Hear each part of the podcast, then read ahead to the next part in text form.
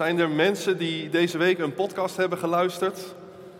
Heel goed, heel goed. Ik neem straks even contact op met de anderen. maar het is goed hè, we zijn, uh, we zijn los en het is best wel tof om uh, ja, te zien hoe, uh, hoe er geluisterd wordt, hoe er met de psalmen begonnen wordt. En ik, ja, ik heb eerder heb ik periodes gehad dat ik de psalmen zo doorwerkte voor een bepaalde periode. En ik heb altijd gemerkt dat, er, ja, dat het je echt uh, iets doet. Dat je taal krijgt en visie krijgt en uh, dat het je geestelijk leven zeg maar verrijkt om daar echt op een poosje mee bezig te zijn. En we zitten nog in de eerste week van het, uh, van het jaar. Dat is ook de week waarin de goede voornemens meestal nog wel lukken. Dus we verwachten ook dat je het minimaal nog een week vol gaat houden. En ik hoop dat dan ondertussen zo duidelijk is dat, dit, dat je niet meer zonder kan. Dus, uh, dus het is mooi om met de Psalmen Challenge bezig te zijn. Op de website Symfonie van het Hart kun je ook het kringmateriaal vinden. En dat is uh, tegenwoordig heel hip en happening, een filmpje. En daar staan wat vragen bij. En dan kan je samen met iemand anders of samen met een deel van je kring kan je het kringmateriaal doornemen. En het wordt ook elke keer door andere voorgangers gedaan. Dus, dus er zit ook wat variëteit in. Dus dat is mooi om op die manier bezig te zijn. En vandaag is Psalm 7 aan de beurt. En ik weet niet of dat u Psalm 7 kent, maar ik zal u eerlijk zeggen, ik, ik was er niet zo, het was niet echt een psalm die gelijk bij mij een soort uh, iets naar boven bracht. Van ja, maar dit is dit, hier heb ik zin in, in deze psalm. En ik had vanochtend even app-contact met wat collega-voorgangers. En, en, ik, en ik kreeg in de gaten dat er dus voorgangers zijn die vanmorgen over Psalm 6 of Psalm 8 spreken, maar niet over Psalm 7. Dus het is, uh, het is een uitdaging vandaag, misschien wel. Maar tegelijkertijd geloof ik echt dat Psalm 7 een woord heeft uh, voor ons vandaag. En Psalm 7 dat gaat over uh, de reactie die je kan voelen, de reactie die er bij je kan zijn als mensen, andere mensen, valse woorden over jou uitgesproken hebben. En ik weet zelf nog, op een gegeven moment, een paar jaar geleden, zat ik naar mijn beeldscherm te kijken. Er was een mail binnengekomen van iemand, iemand waar ik al wat vaker een, uh, een kleine uh, bescheiden discussie mee had gehad. En die man die was zo lelijk aan het doen in die mail over mij. En hij had die mail naar heel veel mensen toegestuurd. En ik zat het te lezen en ik voelde me zo geen recht gedaan. En ik voelde zo dat hij als het ware over alle grenzen bij mij heen ging. En ik, en ik werd daar zo ontzettend boos van dat ik letterlijk tegen mijn beeldscherm heb zitten schelden achter mijn bureau. en dus die chaos die je kan ervaren als mensen woorden over je uitspreken die geen verband houden met de werkelijkheid. Die chaos, daar gaat Psalm 7 over. Zullen we hem met elkaar gaan lezen? Ik lees uit de nieuwe Bijbelvertaling. En daar staat boven als aanhef een klaaglied of als u een oudere vertaling leest, een shigayon. Niemand weet wat een shigayon is. De MBV is de eerste die gedurfd heeft om er een klaaglied van te maken, omdat het daar het meeste van weg heeft. Een klaaglied, een shigayon van David, dat hij voor de Heer gezongen heeft over, en dan staat er in het Hebreeuws, de woorden van de Benjaminiet kus. En dan vanaf vers 2 begint David. Heer mijn God, bij u schuil ik. Bevrijd mij van mijn vervolgers. Red mij. Ze zullen mij nog verscheuren als leeuwen, mij meesleuren zonder dat iemand mij redt. Heer mijn God, als ik iets heb misdaan, als er onrecht kleeft aan mijn handen, als ik goed met kwaad heb vergolden, of mijn belager zonder reden heb beroofd, laat dan de vijand mij achtervolgen, mij inhalen, vertreden en vertrappen in het stof, mij beroven van mijn eer en mijn leven. Sta op, Heer. Laat uw toren ontbranden. Keer u tegen de razernij van mijn belagers. Kom mij te hulp, gebieder van het recht. Laat u omringen door de raad van de volken en bestijg hoog boven hen uw troon. Heer, rechter van de wereld. Doe mij recht, Heer. Ik ben onschuldig. Mij treft geen blaam. Roep de goddeloze een hal toe en wees de rechtvaardige tot steun. U die hart en nieren doorgrondt, bent een rechtvaardige God. God is het schild dat mij beschermt. Hij bevrijdt de oprechte van hart. God is een rechtvaardige rechter. Hij bestraft het kwaad elke dag. Maar de vijand scherpt opnieuw zijn zwaard. Hij spant zijn boog en legt aan. Hij richt zijn wapens om te doden. Zijn pijlen zijn schichten van vuur. Hij draagt verderf onder het hart. En zwanger van onheil baart hij bedrog. Hij delft een put en diept hem uit, maar valt in de kuil die hij zelf heeft gegraven. Het onheil keert zich tegen hem. Het geweld komt neer op zijn eigen hoofd. Ik zal de Heer om zijn rechtvaardigheid loven en de naam van de Heer, de Allerhoogste, bezingen. Tot zover. Psalm 7. Psalm 7 is een beetje als, als een straat. Er is, een, er, is een, er is een wervelwind door de straat gegaan. En het journaal is, een, is, is even later in die straat. En je ziet de chaos in de straat. Je ziet hoe de daken van de huizen liggen en hoe de bomen omver liggen. Je ziet de chaos, maar het fenomeen zelf, de wervelwind, is ondertussen al weg. Je wordt alleen geconfronteerd met datgene wat erachter is gebleven na de wervelwind. En de wervelwind, dat zijn die woorden van die Benjaminiet kus. En die zijn er niet meer. We hebben geen idee wie de Benjaminietkus is. En we hebben geen idee welke woorden hij heeft gesproken. Het enige wat we zien en wat we weten is de chaos die er bij David achter is gebleven nadat de woorden van deze Benjaminiet gesproken zijn. Kus die hoorde bij de stam Benjamin.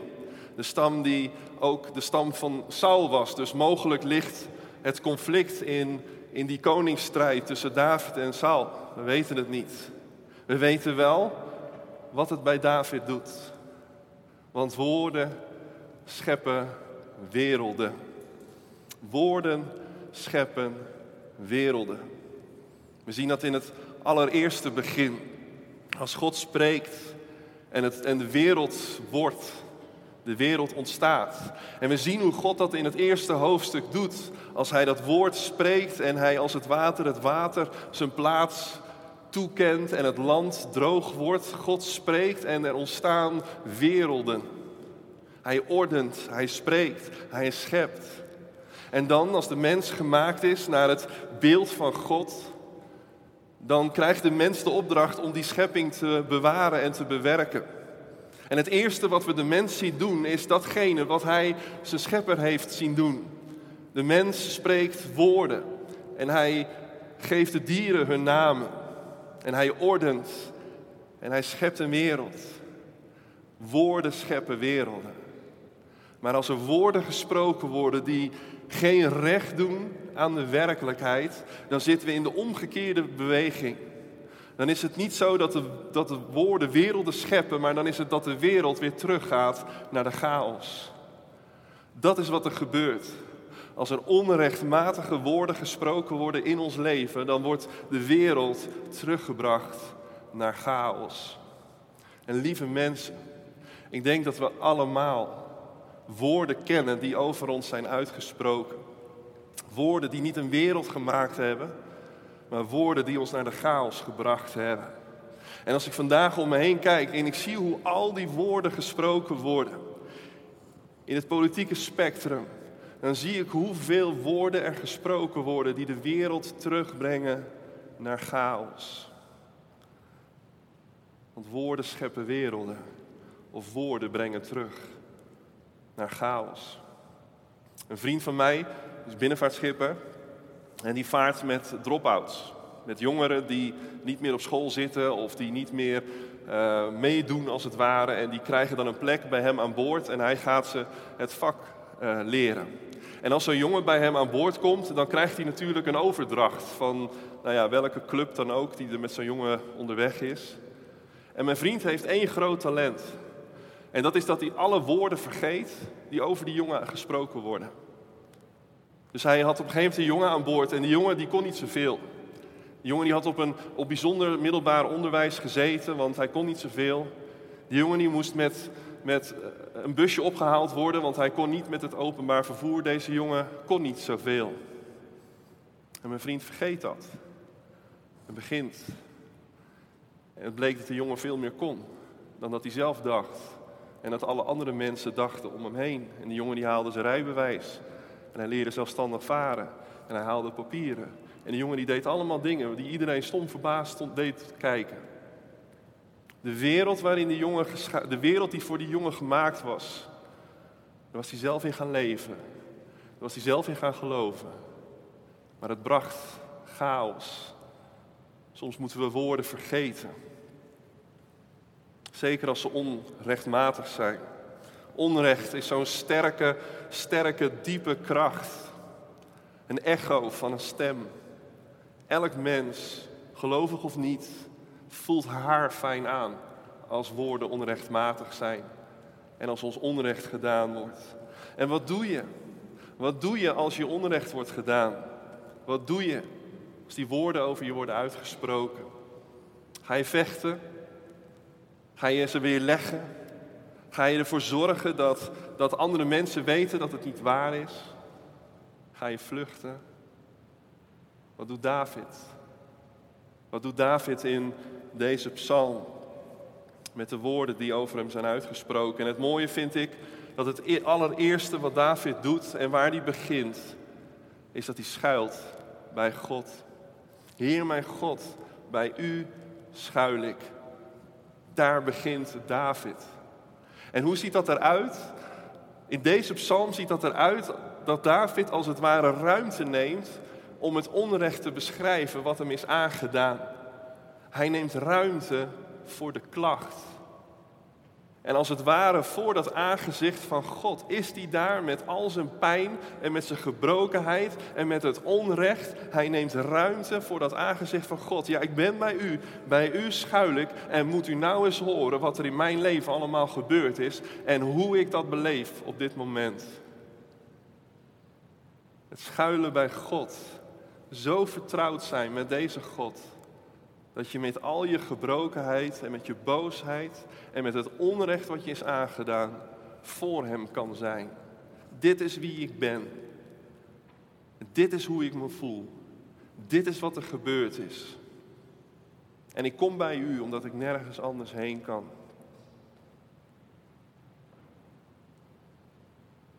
En het tweede wat in dat schuilen bij God zichtbaar wordt is, en je kan dat schuilen bij God kan je vertalen als, als tegenwoordige tijd zoals hier, maar je kan ook zeggen, ik heb geschuild bij God.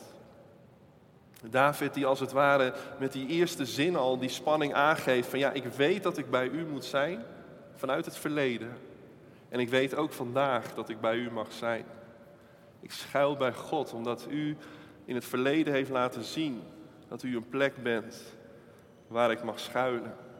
Dat als er woorden over mijn leven gesproken zijn die geen recht doen, dat ik bij u woorden mag horen die dat wel doen.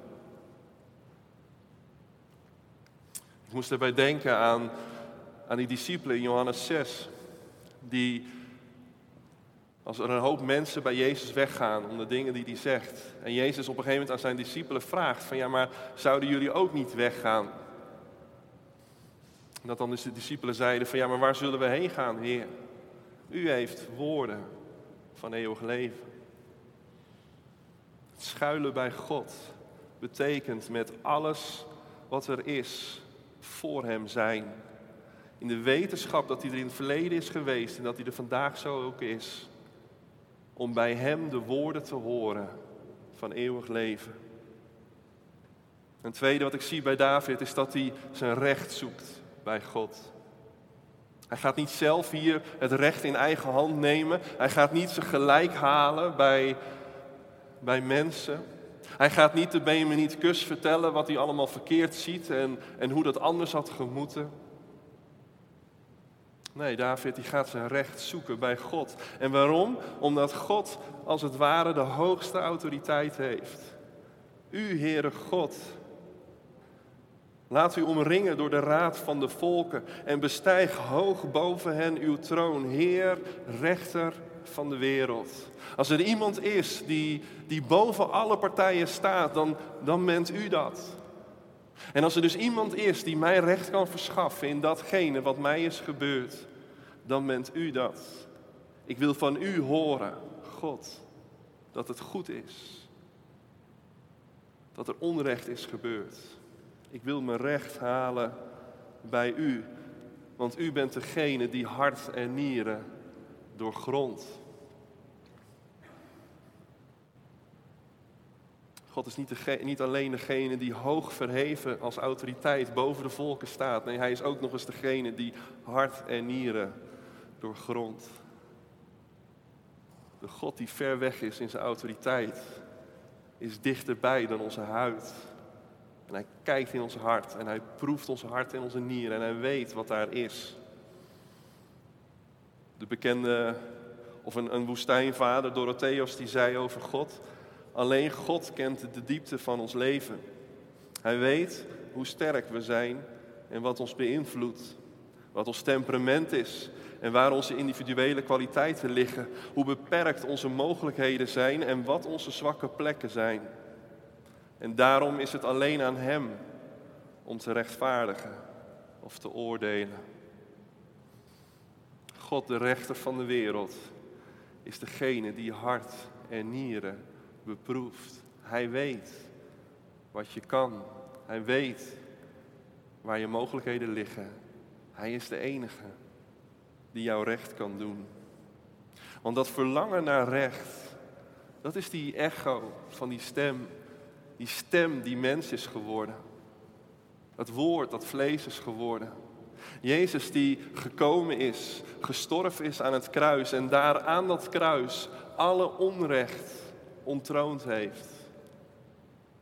We kunnen ons recht halen en vinden bij God, omdat het onrecht ontroond is. Omdat er geen grond meer is voor het onrecht. Omdat het woorden zijn die geen grond hebben om te blijven staan. Jezus ontroonde het onrecht.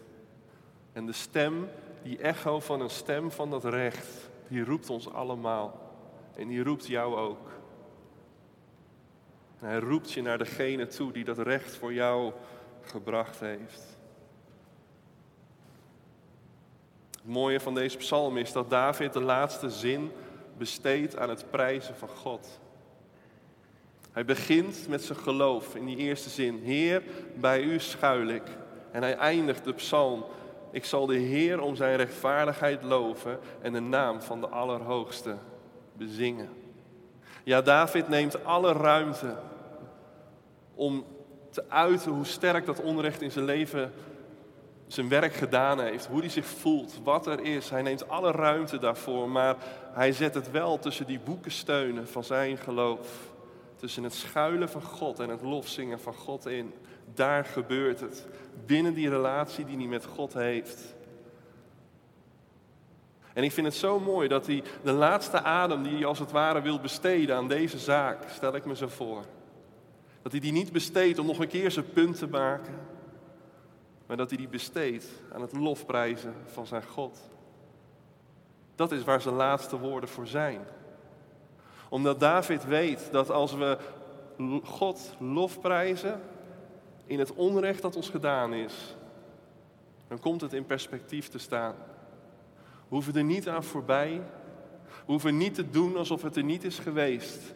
Maar we mogen het in perspectief zetten. Door dichter naar God toe te kruipen in lofprijzing en daar vandaan te zien de ware proportie van datgene wat ons is aangedaan. Het is in die ontmoeting met God, door onze lofprijzing heen, dat het perspectief krijgt, dat het in proportie komt, dat we het kunnen verteren, dat we verder kunnen. Wat is er tegen jou gezegd in je leven? Welke woorden hoor je nog? De momenten dat je je wat minder voelt. De momenten dat opeens die herinnering weer naar boven komt.